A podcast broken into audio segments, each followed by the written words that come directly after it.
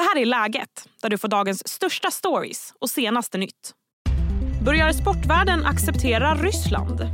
Uefa välkomnar ryska ungdomslag till att delta i landslagsturneringar under neutral flagg. Förbundet har motiverat beslutet med att barnen inte bör straffas för kriget i Ukraina. Men det här har mött kritik. I dagens avsnitt bjuds det också på streamingtips och som vanligt de allra senaste nyheterna. Jag heter Sally Sjöberg. Med mig nu har jag Expressens reporter Noah Bachner. Hej Noah. Hej. Ja, vi ska snart snacka om Uefas och sportvärldens hantering av Ryssland i ett bredare perspektiv. Men först måste vi ju nämna det senaste som rör det här. Och Det handlar om att Riksidrottsförbundets ordförande Karl-Erik Nilsson ska ha stått bakom det här beslutet. Eh, vill du berätta lite kort? Ja, eh, det som kom fram igår kväll då genom eh, brittiska Sky som rapporterade att det har funnits eh, meningsskiljaktigheter i toppskiktet av Uefa eh, där tre medlemmar, tre vicepresidenter, de har totalt fem vicepresidenter i Uefa, ska ha opponerat sig mot det här beslutet. Och det gällde då Storbritanniens två representanter David Gill och Laura McAllister och Polens representant Boniek. Eh, det var två stycken av vicepresidenterna som hade röstat för att släppa in ryska ungdomslag igen och det var Gabriele Gravina från Italien och så var det Karl-Erik Nilsson från Sverige. Och det här är väldigt anmärkningsvärt av eh, flera skäl nu. Ja. Vad, har reaktionerna varit? Ja, alltså, de har inte hunnit komma nästan än höll jag på att säga. Mm. Vi väntar oss en reaktion från Svenska fotbollsförbundet och RF såklart. Han, han själv kommenterade det hela med att han sa att eh, han kände inte igen sig i den brittiska medierapporteringen. Men det var ju väldigt långt ifrån en dementi. Så det var ju ett allt annat än övertygande svar för den som vill höra att det här inte skulle stämma då. Eh, det som är väldigt bisarrt med alltihopa är såklart att Karl-Erik Nilsson representerar svensk idrott. Han är ordförande för RF som har fattat beslut om att ryska ungdom, barn och ungdomslag inte ska få delta i tävlingar på svensk mark. Han har varit ordförande i Svenska fotbollförbundet i tio år fram till i mars i år och då varit med och tagit fram i förbundsstyrelsen beslutet om att Sverige helt enkelt inte ska möta ryska lag den här bojkotten mot Ryssland i idrottssammanhang ska gälla. Eh, att han då sitter i Uefas exekutivkommitté som vicepresident på svensk fotbolls mandat och röstar för någonting helt annat det skapar ju en känsla och ett intryck av att hans lojalitet i första hand ligger med andra aktörer här, till exempel Uefa. Mm. Ja, du sa att det var ingen dementi från hans sida, men vad, vad sa han mer då om, eh, om hur han förklarar det här? Han försökte snabbt flytta fokus till Uefas beslut och kallade kriget för fasansfullt. Eh, men det kom inget heltäckande svar som på något sätt viftade bort de här misstankarna om att han skulle ha gjort det här. Och de här uppgifterna från Storbritannien är trovärdiga ska sägas. Det är ingen nonsens nyhetskälla som kommer med det här utan Karl-Erik Nilsson hänvisade istället till sekretess i Uefa att de inte offentliggör hur de har röstat. Och det är ju jätteskönt för honom att kunna gömma sig bakom men det tar ju inte bort det starka ifrågasättande som finns av hur han har agerat här. Vi ska snart fråga Noah om betydelsen av Uefas närmande till Ryssland. Men först en kort nyhetsuppdatering. Det är inte alla program i TV4 som läggs ner eller pausas. Idag bekräftade kanalen att populära tv-serien Solsidan kommer att få både en nionde och en tionde säsong. Den åttonde säsongen har premiär idag, men när de kommande två dyker upp i rutan är inte klart. En 19-årig man har dömts till tio år i fängelse för ett mord i biltunneln Södra länken i Stockholm förra året. Det var i oktober som fyra män färdades i samma bil och föraren sköts med fyra skott i huvudet medan han körde bilen. 19-åringen satt i baksätets högra del och ska enligt domen ha skjutit därifrån. Det råder mycket upprörd stämning i Storbritannien efter att trädet Sycamore Gap, bland annat känd från filmen Robin Hood, Prince of Thieves, sågats ner. En 16-åring har gripits som misstänkt för dådet. The Sycamore Gap var Storbritanniens mest kända och mest fotograferade träd och i uppskattningsvis 300 år har det stått vid den gamla romerska försvarsanläggningen i Northumberland. Poliskommissarie Kevin Waring säger till brittiska The Guardian att nedsågningen av trädet citat, har orsakat en stor chock, sorg och ilska både i lokalsamhället och utanför det. Hej, Ulf Kristersson här. På många sätt är det en mörk tid vi lever i. Men nu tar vi ett stort steg för att göra Sverige till en tryggare och säkrare plats. Sverige är nu medlem i Nato. En för alla, alla för en. Har du också valt att bli egen? Då är det viktigt att skaffa en bra företagsförsäkring. Hos oss är alla småföretag stora och inga frågor för små. Swedeas företagsförsäkring är anpassad för mindre företag och täcker även sånt som din hemförsäkring inte täcker. Gå in på swedea.se företag och jämför själv. Nu tillbaka till Noah.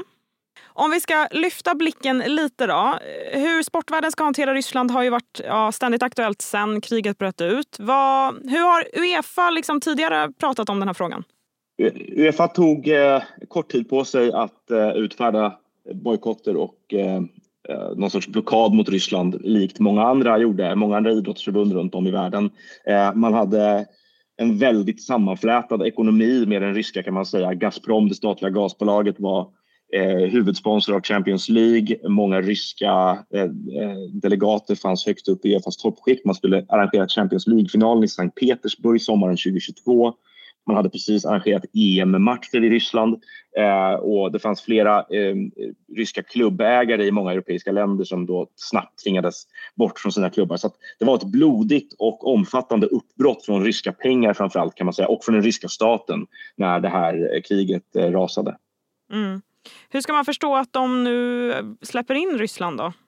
Ja, det är ju den stora ekvationen som är svår att få ihop. Eh, dels så finns väl ett sorts utmattningssyndrom kanske som man kan se på flera håll där det börjar pratas om eh, normaliseringar med Ryssland runt om i världen. Det gäller ju fler branscher än idrotten och, och fotbollen i synnerhet. Dels så handlar det kanske också om eh, personliga kontakter och påtryckningskampanjer från människor som har, gissar jag, pengar att tjäna på att eh, eh, skapa en mer liberal inställning till det här eh, inom Uefa. Vem och vilka det är som vill det uppifrån, det är svårt att avgöra. Men någonstans ifrån kommer ju såklart förslaget om att det är dags att släppa på det här. Eh, och då är det någon som har intressen i det såklart. Vad betyder det här då? Ja, att man släpper in Ryssland, det är klart att det farhågan som finns från de som vill visa fortsatt solidaritet med den ukrainska frihetskampen och eh, inte släppa det faktum att det här är ett anfallskrig, där, eh, ett aggressivt anfallskrig från Ryssland. Då handlar det om att det här är ett första steg på att börja öppna upp igen helt enkelt och eh, normalisera och, eh, och på något sätt legitimera den ryska invasionen av Ukraina. Så det är väl två, två saker. Det ena är att det här kan ju omöjligt kännas speciellt bra för eh, ukrainska barn och ungdomar som då riskerar att möta ryska eh, spelare och ryska lag i de här turneringarna medan eh, ett land då som bombar deras familjer och släktingar Eh, och det andra betyder väl att eh, det här, man måste väl se det här som ett steg, ett första steg i en sorts eh, uppluckring av de här isolationspolitiken. Ja, jag kan tänka mig att det är väl den ständiga frågan hur mycket sporten ska hantera det som händer liksom, politiskt. Ja, och där finns det också olika inställningar. I vår del av världen, i Skandinavien och nordvästra Europa framförallt, så finns det en förväntan på att sport och idrott ska försvara vissa värden ibland och eh, att man ser det som en sorts eh, ett, ett viktigt forum där ibland sporten väljer andra vägar än resten av samhället. Till exempel kan man ta det exempel då att Sverige har omfattande handelsutbyte med till exempel Saudiarabien och Qatar men där svensk fotboll, framförallt då medlemmarna i svensk fotboll har stoppat både sina klubblag och Svenska fotbollförbundet från att resa till de länderna på träningsläger. Så att, eh, idrotten har ju alltid haft en egen kompass i såna här frågor, framförallt i vår del av världen. Och, eh, att, idén om att den skulle hålla på armlängds avstånd, vi, vi befinner oss i en tid där idrotten hyperpolitiseras av eh, regimer, framförallt auktoritära regimer. Och jag tror vi närmar oss en gräns nu kanske grann där lite grann där den här mer diplomatiska eh, kontaktdialogsökande inställningen man måste fråga sig var gränsen ska gå för det för att eh, det finns också kanske en punkt där man kan ifrågasätta om man inte hjälper till att legitimera de här regimernas ambitioner med idrotten som instrument snarare än, än förändra dem. Mm. Vi fortsätter att följa vad som händer i det här. Tack så mycket Noah. Tack. Snart kommer tv-kritiken med streamingtips. Men först blir det fler nyheter. Artisten Marilyn Manson har nått förlikning med en kvinna som stämt honom för att ha våldtagit och torterat henne. Kvinnan, som är anonym och bara känd som Jane Doe drar tillbaka sin stämningsansökan en vecka innan rättegången skulle ha inletts. Manson har de senaste åren anklagats för sexuella övergrepp från flera olika kvinnor. Bland annat hans tidigare flickvän Game of Thrones-skådespelaren Esme Bianco. Dyra elpriser is no more. Priset på el är nu nämligen nere på den lägsta nivån på tre år. När september summeras visar det sig att de som bor i södra Sverige sparat ungefär 1000 kronor under september jämfört med förra året. I norr blir lindringen ungefär hälften så stor, skriver TT. Hej, Synoptik här. Hos oss får du hjälp med att ta hand om din ögonhälsa. Med vår synundersökning kan vi upptäcka både synförändringar och tecken på vanliga ögonsjukdomar. Boka tid på synoptik.se. Nu blir det nöje. Det är fredag och vi ska få streamingtips. Idag bjuds vi bland annat på en spin-off på superhjälteserien The Boys och en populär talkshow som drar igång igen. Tipsen ska vi som vanligt få av Expressens tv-kritiker Mattias Bergqvist. Hej Mattias! Tjena! Ja, du har äntligen bemödat dig att ta dig hit från Norrland. Jajamän, så är det. Det känns skönt att lämna vedstubbarna hemma och för en gångs skull vara i huvudstaden. Ja, Jättekul att ha dig här. Men, men, vi ger oss in på ditt första tips. Serien Gen V som gör premiär idag på Prime Video. I serien får vi följa några ungdomar som utbildas till att bli superhjältar på Godalkin University. Vi lyssnar lite kort. I know there must be many thoughts going through your mind right now. Is this the right place for me? Do I belong here? But let me assure you that we see something in you. Something you may not even see yourself, even if you do have x-ray vision. Ja, jag tyckte stundtals om The Boys som det här då är en spin-off på. Vad tycker du om det här? Det är väldigt, väldigt roligt stundvis. Det är lite klumpigt berättat här och där. Eh, det ska nämnas att jag har sett sex avsnitt av det här. Då. Eh, sen ska man väl säga det att de, de är superhjältar. De ska väl mer liksom lära sig hantera sina krafter på ett ansvarsfullt sätt. Skulle man kunna uttrycka det som, när de går på det här universitetet. Men eh, Gene V, precis som The Boys, det är liksom, vissa grejer är ganska brutala. Andra grejer är väldigt roliga. Vissa grejer är helt konstiga och bisarra. Vilket gör det också väldigt tilltalande för man vet inte vad som väntar runt nästa hörn. Jag är inget, inget jättefan av superhjältegrejer. Kommer jag ändå tycka om det? Absolut. Det här är ju liksom en, ett slags mer young adult-drama. Liksom, till skillnad från The Boys som är väl mer för rated R som man säger i USA. Att det liksom är mycket våld och sex och svordomar och sådär. Det finns även här såklart. Eh, men rollfigurerna är yngre och liksom upptäcker livet eh, kan man väl säga. Mm. Ditt nästa tips är en populär och prisad talkshow som kommer tillbaka på söndag. Nämligen Bianca. Den programleds såklart av influensen och entreprenören Bianca Ingrosso. Vi kan lyssna lite kort ur trailern. Kanal 5 presenterar hela Sveriges söndagsunderhållning. Välkomna till Bianca! Från stjärnspäckade gästlistor till järva frågor. Men gud, det här är jättejobbigt! Ja, det första avsnittet gästas bland annat av fotbollsspelaren Cecilia Musovic och komikern Linnea Wikblad. Det låter ju väldigt kul. Vad tycker du Mattias? Jag tycker väldigt mycket om eh, Bianca Ingrosso. Jag tycker hon passar alldeles utmärkt i det här formatet. Mm. För att eh, det hon och produktionsbolaget Monkberry verkligen har tagit tillvara på det är att Bianca kan inte vara Fredrik Skavlan. Hon kan inte vara Carina Bergfeldt utan hon är Bianca. Och då måste programmet liksom, då måste det få synas i programmet och det är det det gör. Och då kan det bli väldigt underhållande just för att hon är så logiskt nog självklar i att vara Bianca Ingrosso.